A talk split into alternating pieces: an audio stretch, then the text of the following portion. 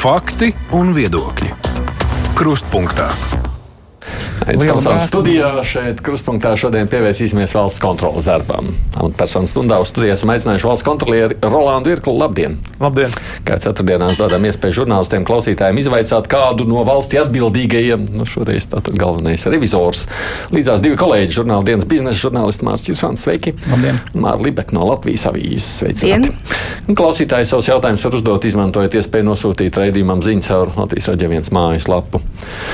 Es tikai tā ievadam, nu, tā kā skatoties uh, tam, ko dara, ja sekojot līdzi, ko dara valsts kontrole, man vispār radies priekšstats, ka pēdējā laikā revizori nu, mazāk uzmanību jums pievērš tieši tādu konkrētu iestāžu izvērtējumam un ar vien vairāk analizē kādas dažādas strateģiskas mērķus, kur īstenošanā nu, ir iesaistīts vairākas institūcijas.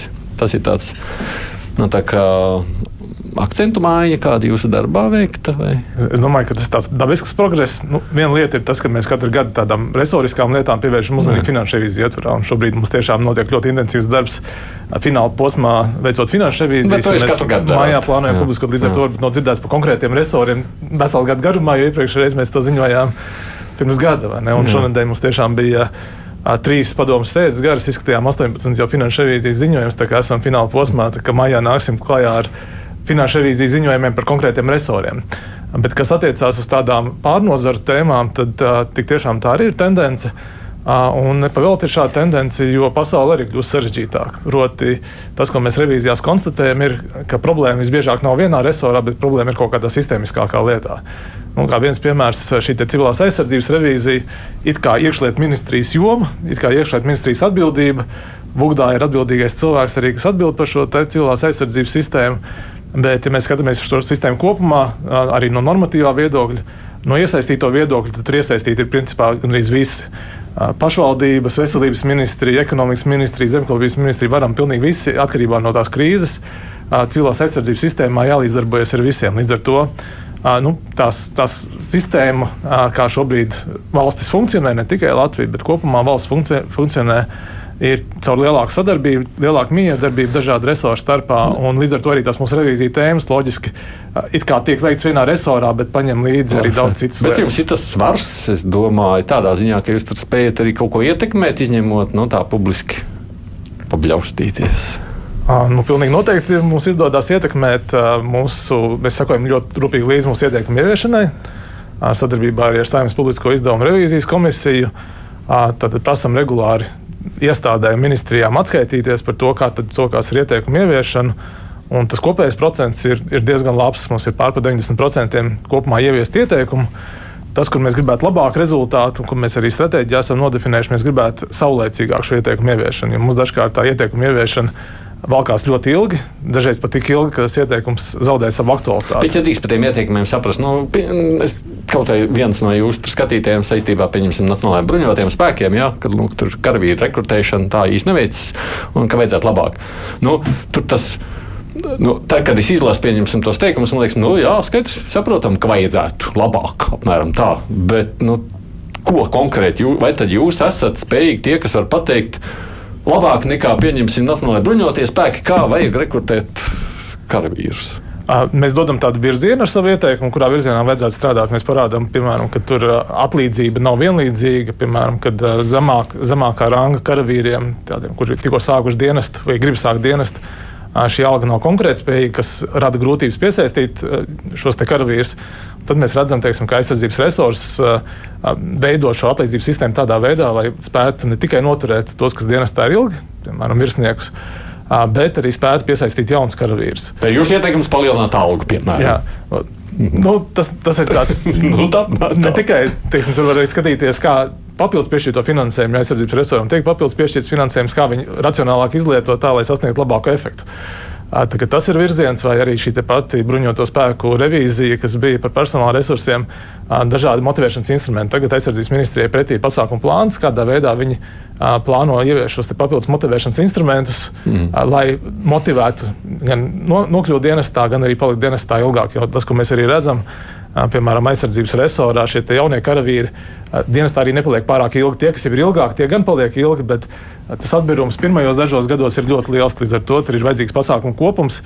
Izstrādāt pasākumu kopumu, kas tad motivē šos jaunos cilvēkus dienestā uzkavēties ilgāk. Tas nozīmē, ka jūs vairāk jau sākat izklausīties pēc tādas kompānijas, nu, nezinu, padomdevēja kompānijas nu, stratēģijas, palīdz tur īstenot tādas. Nu, labi, Jā, man interesē, stāst, kā tikai. valsts kontrola izvēlas, kā, kādas, kur un kādas revīzijas veikt. Un vai ir iespējams veikt neatliekamas revīzijas, nu, tādas, ka jūs redzat, ka, piemēram, aizsardzības ministrijā, Nacionālajos bruņotos spēkos tagad ir, ir, ir jautājums par iepirkumu. Jā, mm, vai valsts kontrole var tā neatliekam arī iesaistīties?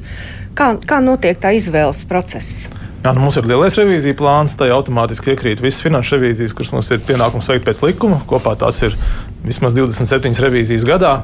Un tad ir nu, tā, tā pārējais resurss, tad ir mūsu pašu ziņā saplānot mūsu revīziju darbu. Un šis plānošana faktiski notiek katru gadu otrajā pusgadā kur mēs veicam gan nozara analīzi, mēs veicam jomu riska novērtējumu, mēs punktējam, tad mums ir atbilstoši kriteriji, kā mēs appunktējam šīs jomas. Tad mēs redzam, kur ir riskantākās jomas, kur ir kaut kādas lielākas problēmas bijušas. Piemēram, nu, risku palielina tas, ka Uh, ir būtiski papildus budžeta piešķīrumi, ja, teiksim, aizsardzības jomā. Mēs risku palielinām tas, ka notiek kaut kādas būtiskas reformas, vai tieši otrādi mēs redzam, ka uh, kaut kādas reformas nenotiek. Nu, tad, attiecīgi, ir arī publiski dažādi pieejama informācija, kā piemēram kaut kāda skandāla, kas ir izskanējuši, vai iedzīvotāju vai, vai amatpersonu ziņas, ko viņas mums sniedz.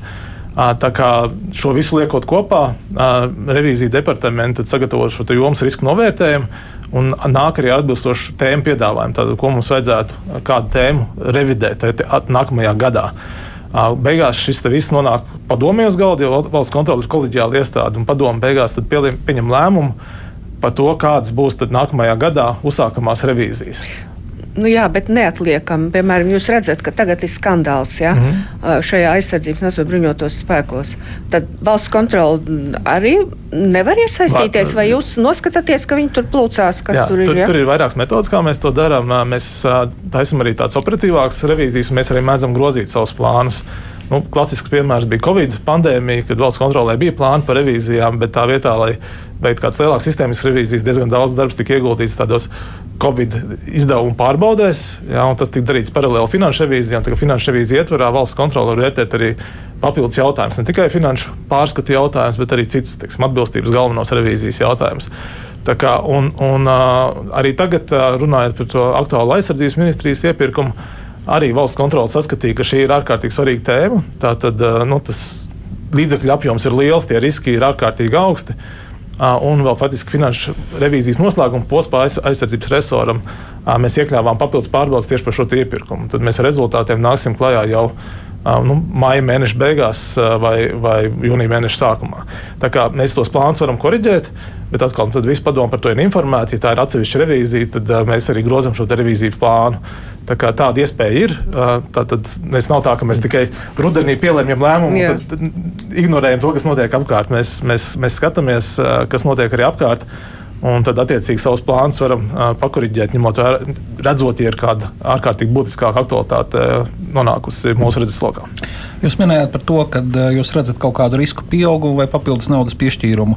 Aizsardzības ministrija ir viena no tām jomām, kur ir diezgan pamatīgs naudas piešķīrums. Un, nezinu, tie iepirkumi, tā kā bišķi iedzem kaut kāda cita grifa vai vēl kaut ko, vai jūs esat valsts kontroli ir pētījis vai skatījusies varbūt citus iepirkumus vai vispār šo iepirkumu sistēmu šajā aizsardzības resorā, jo tur sazina, kas tur vēl var parādīties, jo mēs jau par to nezinām.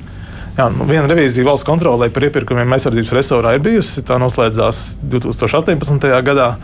Daļa no tiem ieteikumiem ir ieviesta, bet faktiski šobrīd, redzot šo situāciju ar konkrētu iepirkumu, ir viens, ka mēs šobrīd vērtējam konkrētu iepirkumu finanšu revīzijas ietvarā. Bet faktiski mēs apsveram arī vasarā uzsākt jaunu sistēmisku revīziju par iepirkumiem aizsardzības resorā. Šobrīd mums arī ir viena revīzija par iepirkumiem iekšlietu ministrijas resorā. Un, nu, tas lēmums vēl ir padomē jāpieņem, jo grozījumi mūsu revīzijas plānā vēl nav pieņemti. Bet šo mēs apsveram un varētu arī padomus līmenī pieņemt lēmumu, grozīt mūsu revīziju plānu un uzsākt vasarā sistēmisku aizsardzības resora iepirkuma revīziju. Nu, ja mēs redzam to publisko telpu, tad jau arī par valsts aizsardzības dienas tādu ieviešanu ir nu, spekulācijas par to, cik tas būs efektīvi un gudri iztaisīts. Jūs grasāties arī tam pievērsties? Arī, arī šis ir zināmā mērā mūsu redzeslokā, jo šim aizsardz, valsts aizsardzības dienestam noteikti ir ietekme kopumā uz bruņotiem spēkiem. Tas, ko sagaida aizsardzības resurss, ir piemēram fakts, ka daļa no tiem, kas šobrīd izietu valsts aizsardzības dienestu, varētu nonākt profesionālā dienestā vēlāk. Tā tendence bija redzama, kamēr vēl Latvijā eksistē paralēli obligātais militārais dienests un, un profesionālais dienests. Pirmie profesionāla dienesta karavīri lielā mērā nāca no obligātā dienesta. Līdz ar to caur šo risinājumu tas nav gluži valsts kontrols ieteikums, bet varētu arī atrisināt daļai šo profesionālā dienesta personāla problēmas jautājumu. Bet otra lieta, šobrīd mums notiek revīzija aizsardzības resora attiecībā uz rezervistu sistēmu. Un tas, ko radīs valsts aizsardzības dienests, ir, ka mums būs diezgan daudz rezervisti. Un, varētu teikt, ka mūsu valsts aizsardzības sistēma balstās uz trīs kājām. Tā ir profesionālais dienests, zemesardze un, un rezerves. Ja, teiksim, militāra apdraudējuma gadījumā šiem visiem elementiem trīs ir jādarbojas gan efektīvi. Un, un aizskrienot notikumiem pa priekšu, iespējams, tā rezervistu sistēma vai tā rezerves karavīru pieejamība ir nu, no šīm trim kājām šobrīd tas vājākais posms. Līdz ar to, ieviešot valsts aizsardzības dienas, noteikti arī par šo posmu ir jādomā, jo nepietiek, ka šie karavīri vienkārši iziet šo valsts aizsardzības dienestu. Un tad nu, nonāk teikt, brīvā, brīvā solī ir jādomā, kā šīs militārās prasmes, spējas tiek uzturētas arī ilgtermiņā. Ja, tam ir paredzēta šī rezervistu apmācības sistēma, lai nu, šīs kaujas spējas uzturētu arī ilgtermiņā, nevis tikai uz to posmu, kamēr cilvēks atrodas dienestā. Bet, ja runā par rezervistiem, vai vispār viena liela daļa, kas nav bijuši šajā armijā un vispār nav viņiem elementārās militāras apmācības, vai viņus vispār var nosaukt par rezervistiem, vai uz šādu vispār aspektu esat gatavi paskatīties, ja mēs raugāmies tieši no šī punkta? Nu, tas ir mūsu revīzijas uzdevums novērtēt to, vai tā sistēma ir efektīva, vai viņi strādā, vai tie cilvēki, ar kuriem mēs rēķinamies, ka viņi ir mūsu rezerve, militārā rezerve, vai viņi patiesībā tāda arī ir. Bet Kāds šeit... jūs secinājums varētu būt? Piedod, tūlīt turpināt. Šo revīziju mēs plānojam pabeigt. Nu, varētu būt jūnijā, jūnijā varētu vasarā, būt rezultāti. Vasarā varētu būt rezultāti. Jā. Mhm. Jo te ir jautājums par to, ja cilvēkam nav šo iemaņu, tad pēc papīra jau viņš jau var skaitīties kā rezervis, bet pēc fakta viņš nekāds rezervis nebūs tā ir būt, būtiska atšķirība pēc dokumentiem vai pēc faktu. Nu, par to jau ir runa. Tas pats ar zemesargiem. Nu, mums ir uh, uz papīra nu, daudz vairāk zemesargu nekā reāli kaujaspējīgi nu, zemesargi. Tur varbūt ir savādāk. Tur jā, tomēr tie cilvēki jā. ir izgājuši šo procesu cauri un nevar būt, ka viņi visu pēkšņi ir aizmirsuši. Tad armija vēl ir kaut kas. Uh, nē, nav, nav. Ja drīkst, tomēr no klausītāja viedokļiem arī skatoties, ir pāris par medicīnu. Tad sākšu ar Gunteru jautājumu. Labdien, sakiet, kad beidzot sāksiet pārbaudas Covid laikā izsaimniekotai naudai? Konkrēti, pauģot laikā tur ir naudas tērēšanas liederības praktiskumu. Tās iztērētās summas vai tās iztur kritiku? Nu, ir ļoti daudz materiālu, ko valsts kontrole ir vērtējusi. Covid laikā lielākā daļa izdevumu ir pārbaudīti. Ir arī daudz kritikas bijis no valsts kontrolas puses par šiem tēriņiem. Uh, nu, visi tie ziņojumi ir atrodami valsts kontrolas mājaslapā. Kā, nu, ja ir kāds konkrēts jautājums, var atbildēt šobrīd, bet, jā. bet kopumā tur ir pieļauju, daudz ziņojumu jā, un daudz secinājumu. Gunter teikt, jā, nu, sakot, nu, mēs sapirkām milzīgi daudz vakcīnas, vai ne? Beig beigās secinājām, ka viena daļa no tām nav vajadzīga, tad mēs sūtām uz Nikaragu vai vēl uz kurien viņas tam līdzīgi. Un sakot, nu, cik tas ir jēdzīgi, kā mēs esam lietojuši šo naudu. Jā, vakcinācijas jautājums bija viens no ziņojumiem, ko valsts kontrole nāca klajā, beidzot Covid pārbaudas. Tur tā situācija attīstījās ļoti dinamiski no brīža, kad mums ir viens krimināla process pret vienu ministru par to, ka viņi nopirka par maz. Tagad ir otri pārmetumi otram ministram nākamajam, ka nopirka par daudz. Kopumā valsts kontrole secināja, ka ar plānošanu tur ir bijušas grūtības, gan, gan plānojot šo procesu uh, un, un nu, uzraugot viņa uh, realizāciju. Tur ir kritika no valsts kontrolas par šo bijusi. Uh, problēma ar vakcīnām, protams, nav tikai mums, un vienmēr ir jāvērtē tie lēmumi, kādi viņi tika pieņemti, ņemot vērā tā brīža informāciju un situāciju, kāda bija tajā brīdī. Un, nu, līdzīgas problēmas, kā mums ir daudzām, daudzām Eiropas valstīm, kuras ir pasūtījušas ļoti daudz vakcīnu, domājot, ka Covid būs kaut kas ilgāk un bīstamāk. Covid izrādījās netik garš un netik bīstams beigās, kā tika nu, valsts nodrošinājās ar šīm vakcīnām. Jā, droši. Te jau ir jautājums, likumīgi viss kārtībā, bet jūs jau arī vērtējat to otru pusi, liederīgi. Un te nu sākas šie te, iespējams, arī klausītāji jautājumi pamatā likumīgi, bet jautājums ir par liederīgumu. Jā, nu, no šodienas skatu punkta skatoties, protams, ka, ja mēs esam kaut ko nopirkuši, ko mēs paši neizmantojam un esam spiesti atdāvināt, vai tādā gadījumā tas viss aiziet postā, tad no šī skatu punkta šis nav bijis liederīgs iepirkums. Covid laikos, jūs bišķi atgriežaties, varbūt arī klausītājiem, lai palīdzētu mazliet saprast, tad likumīgi jau bijuši visi šie tēriņi, par kuriem mēs jūs arī runājāt, bet par to lietderīgumu jūs esat izvērtējuši, cik no viņiem kopumā ir, ir atbilduši šim lietderības kritērijiem. Ja mēs tagad atņemam šo vakcīnu iepirkumu jautājumu, noslēdzot viņu. Jā, nu, kopumā valsts kontrole finanšu revīzijas ietvaros vērtēja šo atbilstību pamatā, jo nu, finanšu revīzijas ietvaros to liederību visos gadījumos var izvērtēt. Bet mēs vērsām arī uzmanību, kur šī liederība nav bijusi pietiekami liela. Piemēram, lauksaimniekiem izmaksātais atbalsts daudz miljonu eiro apmērā, kur faktiski šis atbalsts pārsniedz samazinātu ieņēmumu apjomu. Nu, tādā veidā šiem lauksaimniekiem nodrošinot nevis vienkārši kompensāciju par samazinātiem ieņēmumiem, bet nodrošinot faktiski virspēļņu un tādā veidā nu, nonākot šo uzņēmumu nu, peļņas bilancē pozitīvajā pusē. Tā kā ir šīs atziņas arī diezgan daudz valsts kontrolē šajos ziņojumos par to, kur šie līdzekļi nav izlietoti liederīgi. Nu, kas tālāk notiek? Nu, atzinums ir, nav izlietoti liederīgi. Nu, nu, tālāk nu, jūs vienkārši informējat, un ar to arī viss beidzās.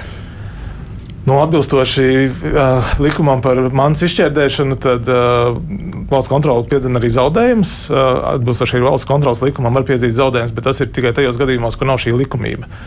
Proti, ja rīcībā ar līdzekļiem mēs saskatām, ko varēja būt liederīgāka nebija pietiekami ekonomiska, tad, vai efektīva, tad attiecīgi šo zaudējumu piedzīt vēl nevar. Mums jākonstatē pretiesiska rīcība ar finanšu līdzekļiem. Pie tam mums ir jākonstatē arī rupja neuzmanība vai ļauns nolūks. Un tikai tad, atbilstoši šīs manas izšķērdēšanas likumam, var šo zaudējumu piedziņu veikt. Nu, neiespējamā misija, esat konstatējuši. Uh, nu, mums ir arī zaudējuma vietiņas lietas. Pirmās tika ierosināts uh, manā pirmajā darbības gadā. Uh, šobrīd ir jau vairāk kā 20 zaudējuma piedziņas lietas, aptuveni 200 tūkstoši eiro apmērā. Un arī ir atgūti jau pāri par 70 tūkstošiem eiro šajās zaudējuma piedziņas lietās. Kas to maksā? To maksā tātad konkrēta iestāde vai konkrētās iestādes vadītājs? Tas atkarīgs no, no situācijas situācijas, kā šie līdzekļi tiek atgūti. Šos līdzekļus var atgūt no atbildīgās amatpersonas, kur ir pieļāvuši šo pretiesisko rīcību. Dažkārt notiek arī cita veida atgūšana, piemēram, tur, kur ir nepamatot izmaksāta kāda atlīdzības daļa. Piemēram, tiek noslēgta vienošanās ar attiecīgo darbinieku, kuram ir pārmaksāta šī atlīdzība, izmaksāta par daudz, kāda piemaksa vai prēmija, ka viņš viņu atlīdzina iestādes budžetā. To mēs arī atzīstam par pamatotu atlīdzību. Jums bija viena revīzija par derīgiem izrakteņiem. Un man piesaistīja viens fakts, ka mm, līdzās tur nosauktiem Latvijas derīgiem izrakteņiem smilts, grants, kaļķakmens ir minēti laukakmeņi. Pilna Latvijas, pilns Latvijas lauka ir nosēta ar laukakmeņiem. Vai tas ir derīgais izraktenis?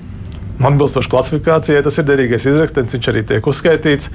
Laukakmeņus var izmantot arī būvniecības procesā.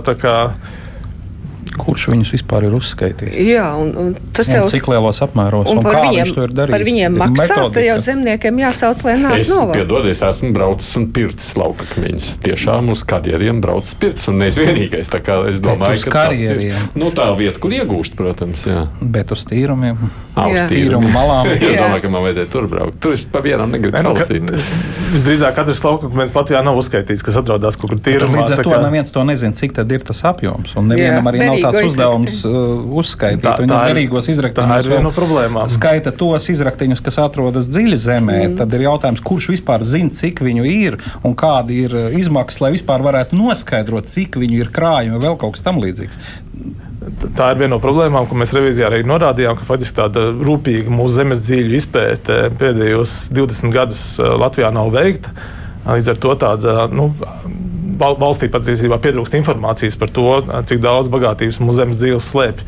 Un līdz ar to arī diezgan grūti izstrādāt valstī politiku. Šobrīd nav politikas, kopējas politikas zemes dziļu jomā par to, kā tai jābūt šī turpmākajai attīstībai un, un kā mēs varētu racionāli nākotnē šīs zemes dzīves izmantot tā, lai tās kalpotu gan ekonomikas interesēm, gan arī vienlaikus mēs pēc iespējas varētu saudzēt, saudzēt vidi un, un pārāk to neeksploatēt tur, kur to nevajag. Bet mums taču vidas ministrija, tad vidas ministrija neko šajā jomā nav darījusi. Jā, tieši tā. Mūsu revīzijai pārmetums visvairāk tieši vidas aizsardzības un reģionālās attīstības ministrijai, kur ir atzinusi, ka ir šīs politikas trūkums. Vienīgā politika attiecībā uz zemes dzīvēm mums ir saistībā ar kūdru. Tur ir stratēģija, kā, kā kūdras resursu izmantot. Bet attiecībā uz pārējām zemes dzīvēm mums nav politikas valstī. Nu, tas ir aizlaists tādā diezgan lielā pašplūsmā, un to mēs arī redzam no tiem rezultātiem. Mums ir ļoti mazs otrreizēji pārstrādājuma materiāla daudzums. Tad mēs neizmantojam otrreizēju pārstrādājumu materiālu. Šis mums nu, kopējā Eiropas kontekstā izskatās ļoti slikti. Tas arī no ilgspējas viedokļa izskatās ļoti slikti. Jo tur, kur tā vietā, lai mēs bojātu vidi un, un, un izraktu ļoti daudz, šajā brīdī mēs varētu daudz vairāk izmantot šo otrreiz pārstrādājumu materiālu un tādā veidā saudzētu vidi un, un izmantot resursus pēc iespējas racionāli. Bet kur ir tā problēma? Kāpēc tas viss nav? Nu, tas jau it kā citās valstīs ir pats par sevi saprotams. Daudzās citās gribēju teikt, ka Latvijā tas nav izstrādāts. Nu, tā nav bijusi acīm redzot ministrijas prioritāte pēdējo gadu laikā. Un, nu, šobrīd jaunais ministrs, kas saprot, ir apņēmies darboties šajā virzienā, šo politiku izstrādāt. Un, attiecīgi, tālāk jau mēs varam plānot uh, ilgspējīgu šo te, uh, dziļu politiku un to arī ieviest. Jūs to viens stāžnieks valdis rakstīja, vien jūs zināt par kādu milzu naudu laukakmeņus tirgo, ka tam bez jebkādiem papīriem. Bet varbūt jāsāk mazliet, ja tad jūs minējāt par šo derīgu izrakteņu stratēģiju, bet ņemot vērā, ka Latvijā Uh, ja man pieder konkrētais zemes gabals, tad man viņš pieder, es atvainojos, līdz uh, zemes kodolam. Ja?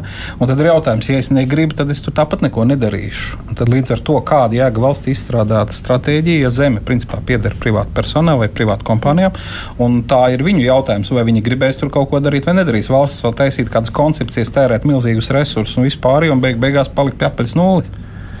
Uh valstī arī pieder, pašvaldībām pieder diezgan daudz uh, zemes dzīves, uh, un, un, un respektīvi arī, arī zeme un meži un, un, un dažādi resursi. Uh, tā ir viena lieta. Otrs, mēs esam arī savā ziņojumā vērsuši uzmanību uz šo, ka šī normatīvā bāze attiecībā uz zemes dziļu īpašumu piedarību, kad tā iespējams ir jāpārskata.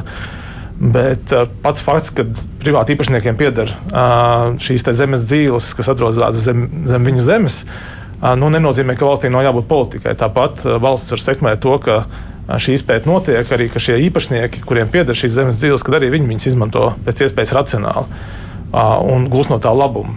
Līdzīgs regulējums par zemes dziļu īpašumu piedarību ir arī dažās citās pasaules valstīs, kā piemēram Amerikas Savienotajās valstīs. Nu, tur diezgan aktīvi zemes dzīves izmanto arī privāti īpašnieki un, un, un nes pienesumu valsts ekonomikai. Un vienlaicīgi, protams, ir jāskatās, lai tas tiktu nodrošināts ilgspējīgi un vidē draudzīgi. Par tematu varam iet. Jā. Tālāk, skatoties Jānis prasa savukārt, kas tad ir ar valsts veselības sistēmu? Es vakar lasīju, ka Lūk, Daugavpils slimnīca jau atlaiž darbiniekus, jo trūks naudas un veselības sistēma brūk. Vai nu, ar to domu mēs redzam tās ziņas, sakot, ka tulīt būs ārkārtas stāvoklis un no rudens vispār nebūs finansējuma. Jūs grasāties tam arī pievērsties?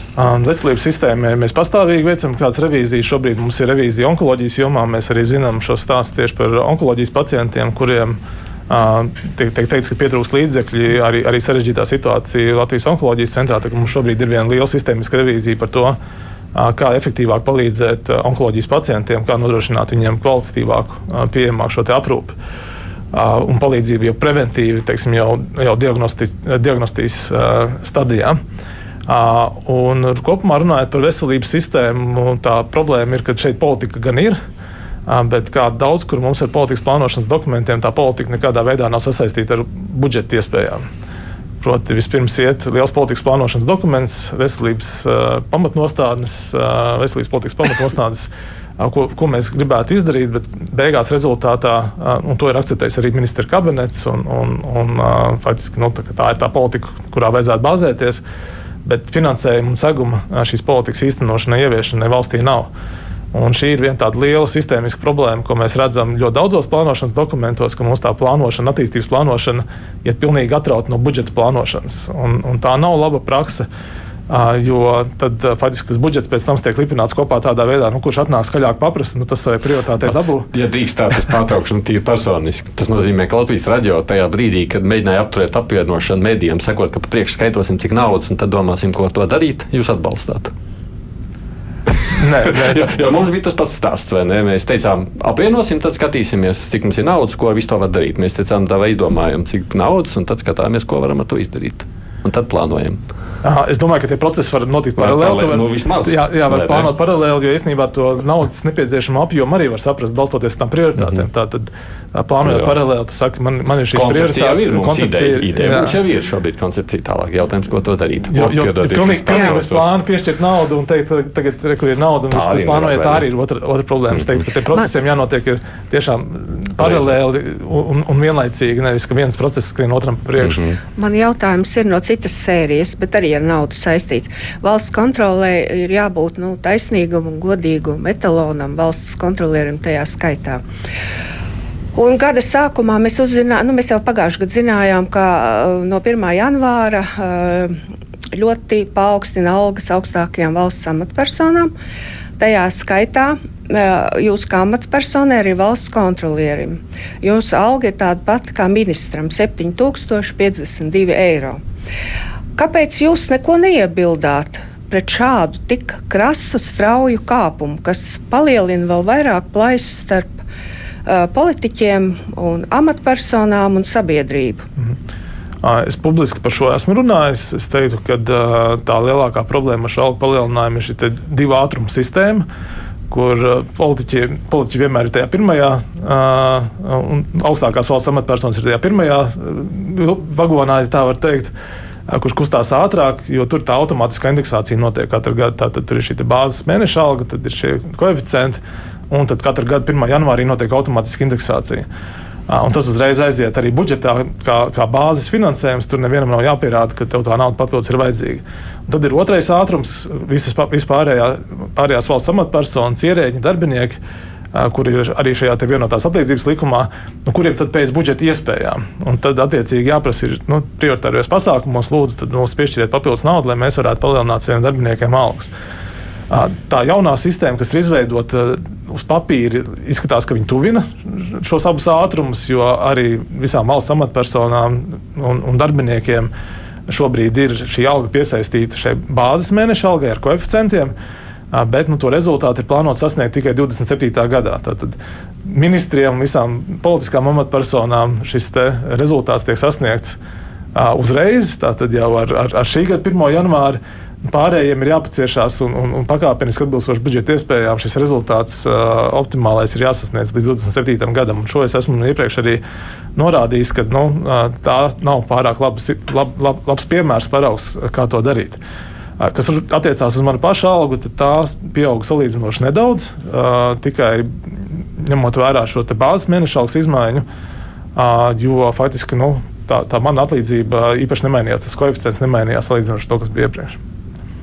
Nu, jā, tā ir politiķa izšķiršanās. To jau varēja arī savādāk darīt. Ne tik strauji. Es atgādināšu, pirms tam turpinu vienkārši klausītājiem ar mazu iestarpinājumu, ka šeit ir divi žurnālisti, Mārta Libeka, Latvijas avīze un Mārcis Irsāns žurnāls dienas biznesa un valsts kontrolieris Rolands Irklis, kurš nu, līdz ar to atbild arī uz jautājumiem. Raidījums Krustpunktā. Jā, Māri. Es atkal atgriežos pie tā likumīgi vai lietderīgi? Latvijas iedzīvotājs skaits visu laiku katru gadu iet mīnusā. Tad, tad lietderīgi ir tās, nu, tās iestāžu štati un visi pārējie. Likumīgi tas ir, nav jau šaubu. Bet vai viņi ir lietderīgi no tā visa, ka mēs šajā teritorijā kļūstam ar vien mazāk? Tad, tad to domāju, nevajag skatoties revīzijā, Nē, skatoties, cik gribu saprast, vai jā? valsts kontrole skatās arī jā. šo okay. lietderības jautājumu, vai, nu, teiksim, nezinu, tā iestādē varbūt ir kaut kas par daudz. Varbūt status sāraksts, varbūt, kad, nu, vispār ko viņi nodarbojas, jo varbūt, ka tur var atrast pēkšņi pietiekoši daudz resursu, kur varbūt tiešām tiem cilvēkiem, kas tur, nu, kas paliek vai kas turpina strādāt, kuriem var paaugstināt tās algas līdz atbilstošām. Jā, uh, pilnīgi noteikti var meklēt šos efektivitātes elementus arī, arī valsts pārvaldē. Uh, salīdzinoši nesena revīzija par valsts pārvaldes reformu plānu, kur tieši bija paredzēts šis mērķis par 6% samazināt nodarbināto skaitu valsts pārvaldē. Uh, tie secinājumi nebija glaimojoši no valsts kontrolas puses, jo tas mūsu secinājums bija, ka faktiski šis samazinājums nu, reāli nav noticis uz papīra tur amatvietas tika samazināts, bet faktiski viņas tika aizstātas ar, ar iespējams citiem amatiem. Tas kopējais skaits tajā centrālajā valsts pārvaldē nesamazinājās. No otras puses, ja mēs skatāmies uz to tālākiem plāniem, tad šobrīd ir arī valsts pārvaldes modernizācijas plāns, vēl nav apstiprināts. Tur arī valsts kontrole ir izteikusi kritiku, bet nu, tur arī ir paredzēts centralizēt noteiktas funkcijas, tādā veidā mazinot iespējams cilvēku noslodzi uz, uz šīm funkcijām, kā piemēram personāla vadība, grāmatvedība. Tās ir tās funkcijas, kuras vienkāršāk ir centralizētas, kur vienkāršāk ir samazināt šo te, cilvēku daudzumu. Bet, principā, nu, katrā iestādē būtu rūpīgi jāveic arī iekšēji auditi, funkcija auditi par to, kuras funkcijas mums ir liederīgi veikt, kuras mēs veicam efektīvi, liederīgi. Pilnīgi noteikti ir jāmazina birokrātija, kur to ir iespējams mazināt, tādā veidā saīsinot procesu, saīsinot varbūt iesaistīto daudzumu. Nu, tāpat arī mūsdienās, ja mēs runājam par digitālo transformāciju, kas ir jaunās valdības liels uzstādījums, nu, šeit arī ir jāmeklē šīs efektivizācijas iespējas, jo nu, digitālā transformācija tas nenozīmē vienkārši vecos neefektīvos procesus pārlikt pārlikt elektroniskā vidē, tur ir jānāk līdzi arī ir, no nu, šeit produktivitātei, efektivitātei un, un ekonomiskumam beig beigās. Un klausītāji Ulmi jautā, kā tad kontroli var saprast liederību, kā jūs visu varat zināt? Jūs taču tikai grāmatvēži esat. Valsts kontrolē nav tikai grāmatveži. Grāmatveži ir diezgan daudz. Tādā nozīmē, ka tās, tie, kas veic finanšu revīzijas, tie biežāk ir ar, ar grāmatveža vai finanšu uh, izglītību. Uh, bet mums ir arī juristi un citu profesiju pārstāvji valsts kontrolē, kuri arī fokusējās vairāk uz liederības revīzijām. Un liederības revīzijās nu, tad, uh, mums ir uh, atstrādāti šie standarti un metodikas, pēc kuriem mēs strādājam. Kādā veidā gan var novērtēt, vai tas rezultāts tiek sasniegts, uh, varam novērtēt arī, kādā veidā ekonomiski šī rīcība ir bijusi. Nu, viens piemērs pagājušā gadā noslēdzām personāla revīziju pašvaldībās pēc administratīvas teritoriālās reformas. Nu, tur diezgan precīzi parādījām to tādu ekonomisku analīzi, kādā veidā var optimizēt štata vietas pašvaldībās uz noteiktām funkcijām. Ja, kur mēs analīzes rezultātā parādījām, ka dažādās pašvaldībās uz līdzīgu funkciju, uz līdzīgu apjomu darbu tiek nodarbināti ļoti daudz dažādu skaitu cilvēku. Un šī bija piemēram tā analīze, ar kuru mēs varam parādīt, kā pašvaldībām ir iespēja optimizēt savu darbinieku skaitu. Kā jūs secināt, vai kādas pašvaldības ņem to vērā? Yeah. Nu, tie ieteikumi ir izdoti pagājušā gada nogalē. Tagad šogad skatīsimies, kā mhm. sokās ar šo ieteikumu ieviešanu. Tas, kas ir labā ziņa tieši ar šo revīziju, ir tā, tā metodoloģija, kur mēs izstrādājam sadarbībā ar, arī ar ārēju ekspertu, mēs šajā revīzijā piesaistījām ārēju ekspertu. Zināšanas nevienmēr ir valsts kontrolē, bet mēs arī skatām, skatāmies ārpusē, kur varam piesaistīt. Tad šī metodika ir pieejama šobrīd pilnīgi visām pašvaldībām. Viņas var izmantot, lietot to un, un pieņemt arī labus, liederīgus lēmumus. Nu, tas ir tā savu personālu. Tādas pozitīvas vadlīnijas, kuras var lietot un var arī nelietot, vai ne? kurš būtu ļoti ieteicams lietot. Ja valsts kontrole aizies revīzijā šajā pašvaldībā, mēs varam pavērtēt, vai, to, vai viņi pielieto labas pārvaldības principus, plānojot savu personāla politiku, vai arī nedara. Nu, ja viņi nedara, nu. Nu, ko tad, jūs varat vēlē, izdarīt? Vēlētājs Viņa... zinās, ka nedara tādu. Nu, vēlētājs, jā. Ko tad domā, citu vēl var darīt? Ja drīkst, pirms piedod Mārta jautā nākušos jautājumus, no Vīskundas es nolasīšu, es nu, varbūt ne līdz galam arī saprotu, ko Vīskundze raksta, bet nu, tur jautājums ir par cilvēkiem ar īpašām vajadzībām invaliditātes lomu. Vai jūs to darīsiet vai vērtēsiet arī šo jomu, jo, kā te viņi raksta, VDAK piešķir invaliditāti ķermeņa daļām, kas nozīmē, ka viena roka kāja dabūs trešo grupu un otra arī trešo grupu, jo, lūk, katra normatīviem, katra gadījuma izskata atsevišķi nevis cilvēku kopumā. Tad viņi te par invalīdu pārkvalifikāciju jautā, par, par socializāciju, par darba tirgu, sakot, ka SIVA, piemēram, var gadā palīdzēt līdz 3000 invalīdiem, faktiski izmanto 15 reizes mazāk ļaužu, ap 200. Nu, šī joma, kā jūs pāraugāma joma? Jā, valsts kontrole pirms vairākiem gadiem ir vērtējusi arī šo te, uh, deinstitucionalizācijas jautājumu. Uh, un, uh, es tagad nevarēšu pateikt precīzi, kādi bija tie secinājumi tam līdzīgi, bet pilnīgi noteikti tur bija arī ieteikumi, kā, ko pilnveidot, ko uzlabot. Nu, šī ir invaliditātes piešķiršana un kaut kas cits. Šī nebūs par deinstitucionalizāciju. Nu, pie, aicinot jūs pievērsties arī šai jomai. Nedaudz radniecīga loma mums bija revīzija nesen salīdzinoši par bērniem ar īpašām vajadzībām. Arī viņiem viņiem piešķir šos te, nu, kodus, ja tā var teikt, un tad attiecīgi viņiem tiek sniegta palīdzība. Tā, tur arī bija secinājumi par to, ka šis process ir pārlieku birokrātisks. Bieži vien kādā veidā šiem bērniem tiek gan nodrošināts šis status, gan arī kādā veidā viņiem tiek palīdzēts. Tur, atkla, tur arī atklājās viena cita problēma vēlāk, kā mēs redzējām, tā vietā, lai bērnus integrētu caur šo sistēmu sabiedrībā, lai viņiem nodrošinātu līdzvērtīgas iespējas Dažkārt šis tiek izmantots arī pret viņiem. Mēs atceramies šo gadījumu Valmjerā, kur bija skolēns izturējis iestāju pārbaudījumus vienā vidusskolā. Un, attiecīgi, vidusskolu viņi atteicās uzņemt tikai tādēļ, ka viņam bija nu, savulaik piešķirts šis kods saistībā ar, ar īpašām vajadzībām. Tā kā, nu, tas, tas mūsu fokus ir uz to, ka šādiem bērniem un vispār šādiem cilvēkiem, kuriem ir īpašas vajadzības, ka viņiem mēs nākam palīdzīgā, nākam tālāk, nevis viņus atgrūžam un izolējam no sabiedrības vai samazinām viņu iespējas pilnvērtīgi iekļauties sabiedrībā. Okay, Māra. es gribēju mm, par iepriekšējo jautājumu vēl jūs papildināt par administratīvu teritoriālo reformu. Jūs esat pilnībā valsts kontroli pabeigusi to revīziju vai turpina vēl? Uh, tur mums ir vairākas revīzijas, kas skar faktiski šo reformu un tās rezultātus. Tātad pirmā bija par šo personāla politiku uh, un kādā veidā pašvaldības plāno savu personāla politiku pēc reformas, tad sapulstot kopā vairākām, lai viņas pieņem kaut kādas lēmumus, lai, lai to plānotu racionāli. Šobrīd mums notiek revīzija attiecībā uz kapitāla sabiedrībām. Pašvaldība tātad arī saplūstot vairākām pašvaldībām kopā, vai viņas izvērtē savu līdzdalību kapitāla sabiedrībās un pieņem atbilstošos lēmumus. Tāpat arī mēs šobrīd vērtējam šo sabiedrības līdzdalību, jo šobrīd arī līdz ar reformu un jauno pašvaldību likumu ir šīs lielāka sabiedrības līdzdalība, tiek sagaidīta arī šo, caur šīm sabiedriskām padomēm, kas ir pie pašvaldībām. Tad arī mēs vērtējam šos aspektus. Mums ir vairākas revīzijas, kurās mēs skatāmies, kādas rezultātus administratīvā teritoriālā reforma ir vai nav sasniegusi. Hmm. Mēr. Es gribēju vienkārši aizskārt tādu ļoti sāpīgu tēmu, tas ir invaliditāte. Vai esat vērtējuši, pirmais, ja nekļūdos, tad Latvijā kopējais cilvēku, kuriem piešķirt invaliditāti, ir pieaudzis, un tie cipari nav ļoti patīkami.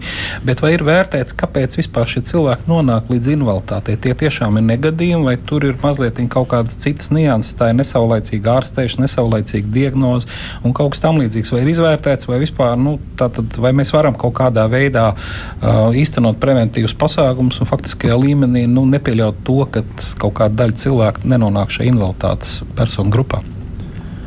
Uh, tieši šādā kontekstā mēs neesam vērtējuši, kā pasargāt cilvēku no tā, lai viņi nonāktu invaliditātē, bet pilnīgi noteikti, ka uh, tur noteikti valsts var darīt ko preventīvi. Tāpat veselības aprūpas joma. Uh, nu, nekvalitatīva sniegta medicīniska palīdzība var izraisīt cilvēku minoritāti. Tā kā teiksim, kvalitātes jautājumi medicīnas jomā ir, ir, ir aktuāli.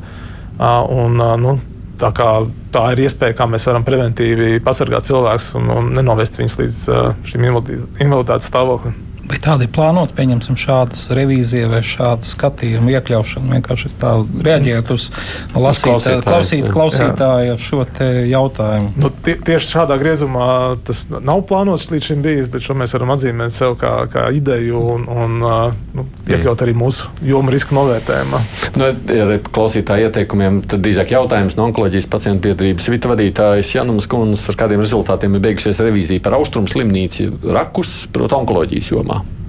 Vai jūs tādu esat teikuši? Mums tieši šobrīd notiek revīzija onkoloģijas jomā. Mm. Tur ar rezultātiem mēs varētu nākt klajā rudens pusē. Okay. Tā, tā ir atvērta aktuāla revīzija, jā, tad, tad, tad arī ziņosim. Mm -hmm.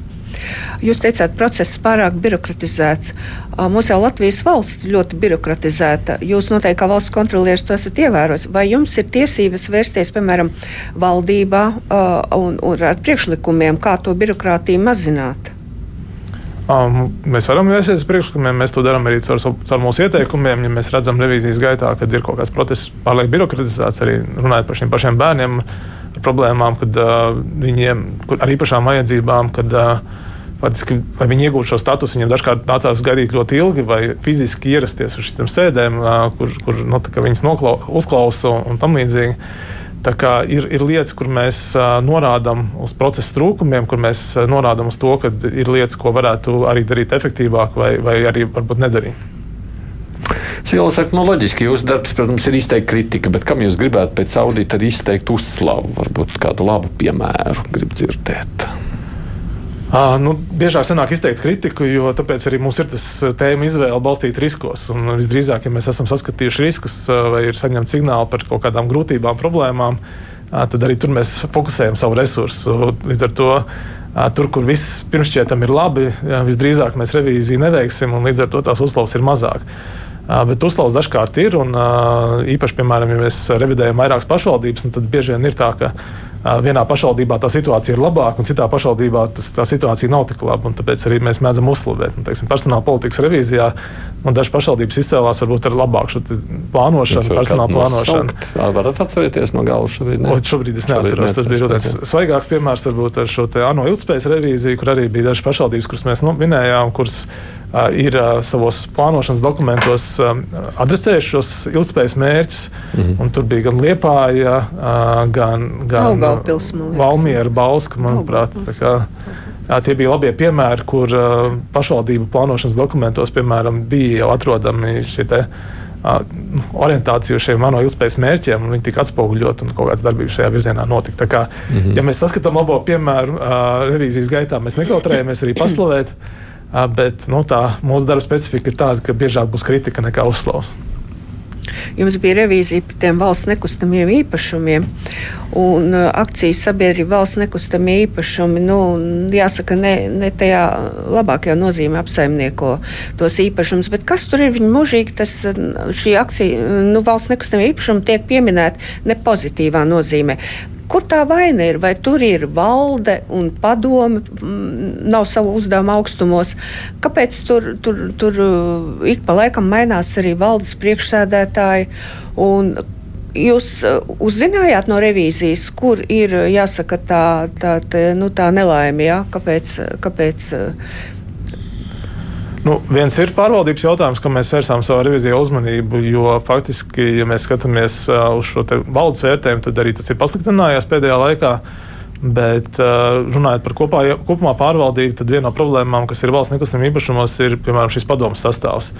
Tur ir tikai viens neatkarīgais padomus loceklis no četriem, un pārējie ir tā saucamie atkarīgie padomus locekļi, kur pēc tam nozīmē? nav ir ministri ierēģi Jā. vai valsts sekret, augstākā līmeņa ierēģi. Piemēram, valsts sekretārs vienas ministrijas ir valsts nekustamā īpašuma padomus priekšsēdētājs vienlaicīgi.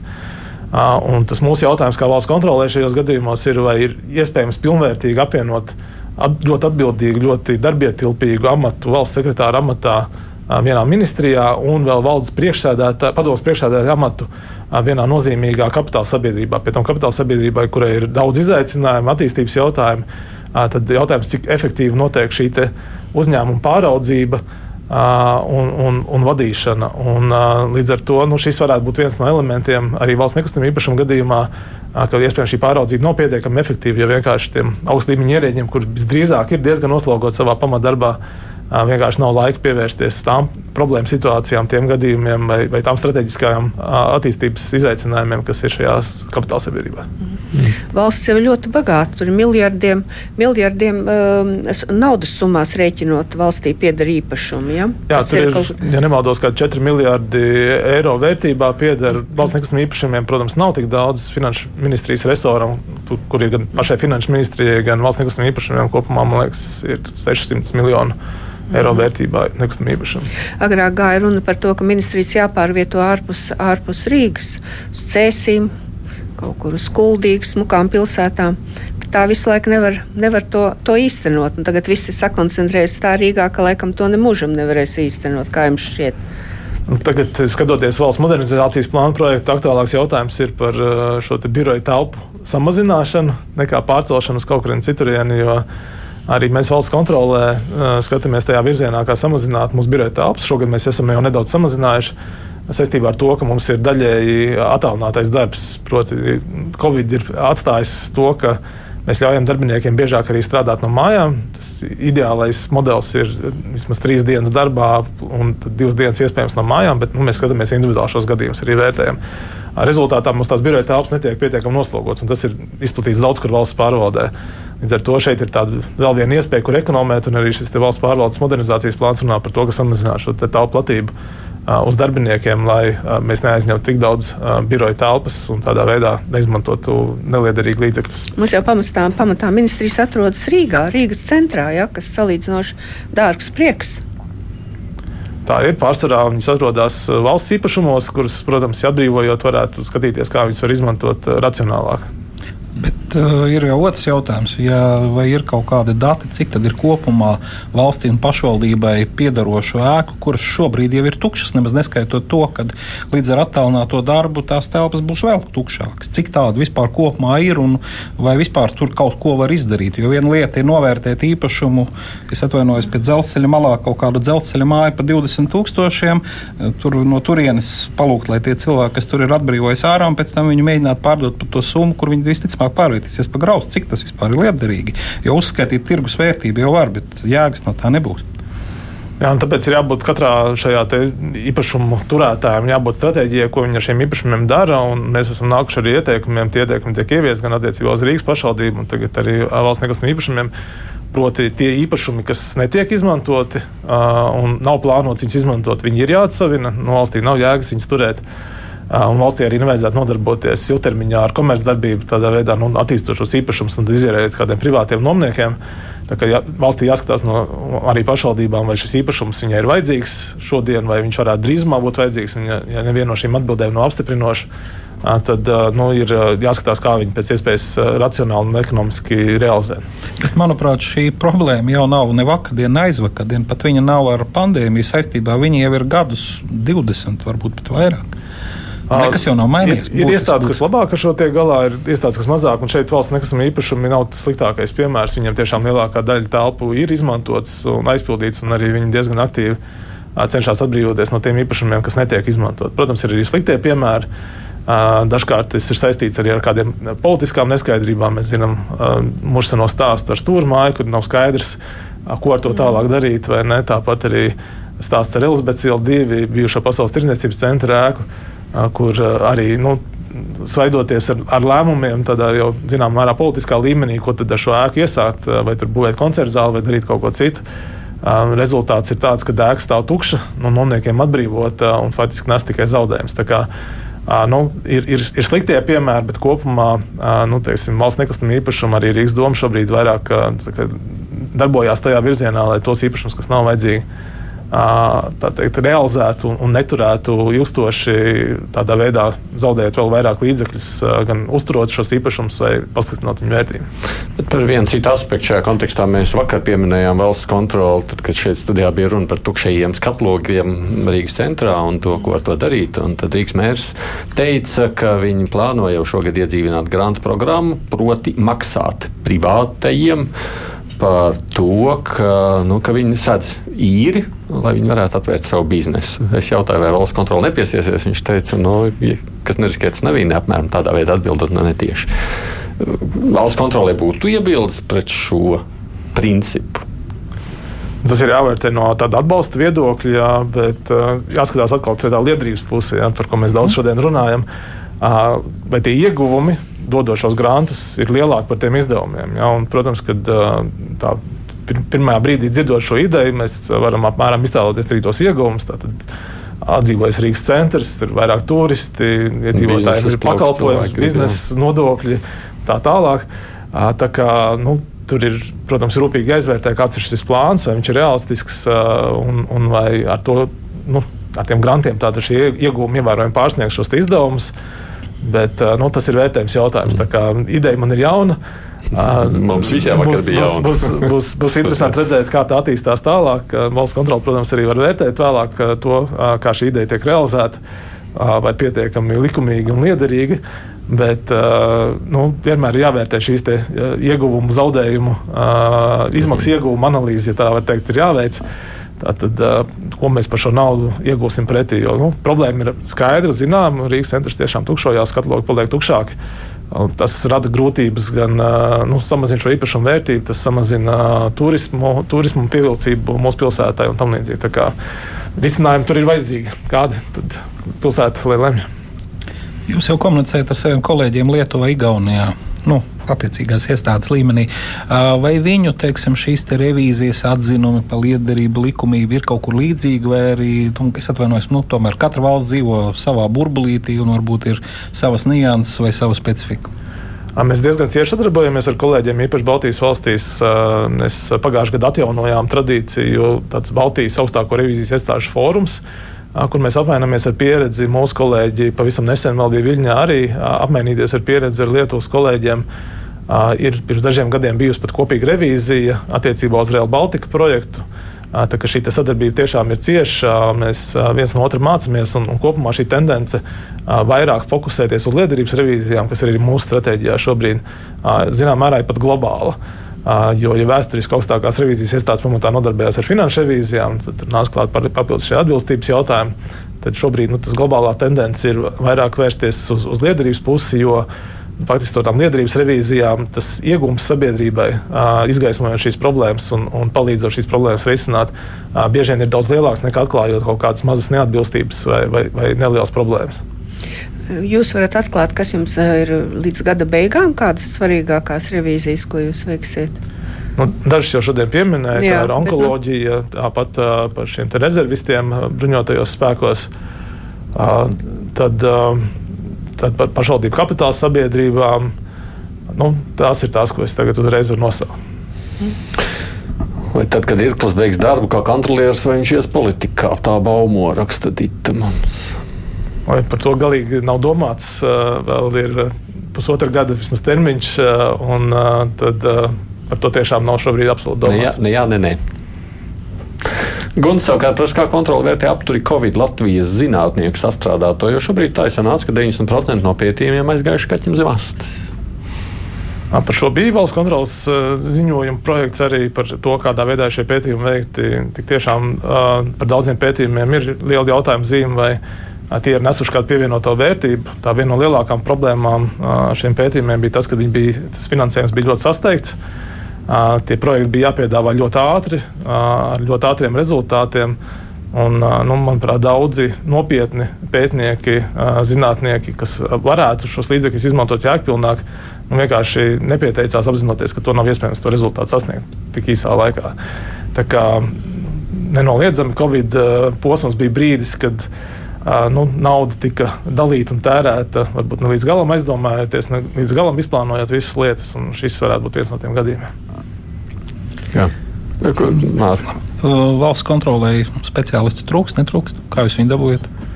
Ar lielākām algām pārvieniet ar labākiem, ar labākiem kaut kādiem papildus uh, iegūmiem. Uh, kopumā situācija ir apmierinoša, bet nav lieliska. Uh, pilnīgi noteikti mums pagājušā gadā ir bijusi kadra mainība ap 14%, un mūsu ieskatā tas ir uh, pārlieku augstu. Un, un dažkārt aiziet tiešām labākie, aiziet uz privāto sektoru, aiziet uz iekšējiem auditiem. Un, kā skatāmies, kādā veidā mēs varam saviem darbiniekiem nodrošināt gan konkurētspējīgu atalgojumu, gan citas apstākļus. Un, nu, šogad mēs bijām ļoti pieklājīgi attiecībā uz budžeta pieprasījumu, jo tajā anotācijā par vienotās atlīdzības likumu reformu bija minēts, ka 23. gadā šī reforma jāveic bez papildus līdzekļiem, tad ņemot vērā iestādes iekšējos resursus. Mēs iekšējos resursos atradām nedaudz ko palielināt algas. Bet, nu, ņemot vērā šo kopējās vidējās algas pieaugumu un, un, un šīs bāzes mēneša algas kāpumu, uz nākotni, protams, jāskatās, kā mēs varam nodrošināt konkurētspējīgu atalgojumu mūsu darbiniekiem, lai mēs varētu gan viņus piesaistīt, gan arī ilgtermiņā noturēt. Bet cik tad ir vidējais atalgojums revidentam? Tas svārstās sākot no aptuveni 1800 eiro uh, brutto līdz pat uh, 3000, pār pa 3000 varbūt uh, par šiem labākajiem uh, un sektoru vadītājiem. Tā kā, uh, tas ir atkarīgs no revidenta pieredzes pakāpes. Uh, Mums, mums tā karjeras kāpne ir, ir diezgan, diezgan atrunāta iekšēnē valsts kontrolē, kādā veidā no revidenta palīga var, var tikt līdz vecākajam valsts revidentam un jau uzņemties revīziju vadīšanu. Cik jums kopā ir strādājuši šobrīd? Šobrīd ir aptuveni 170, mums ir 180 štatu vietas, un aptuveni 10 pastāvīgi nav aizpildīti. Mm. Pagājušajā gadā bija tas pats aptuveni. Aptuveni tas pats, jā. Valsts kontrolieris Rolands Irklis, paldies, ka atnācāt šeit atbildot uz klausītāju jautājumiem un žurnālistu jautājumiem. Protams, jā, tāpat kā maniem kolēģiem saka, paldies Māra Lībek, Latvijas avīze un Mārs Čirsāns, žurnāls dienas biznesa. Paldies jums! Paldies! paldies. Bet kurspunktā šodien izskan producente Vijunām un studijā raidījuma vadīju es, Aidis Tomsons.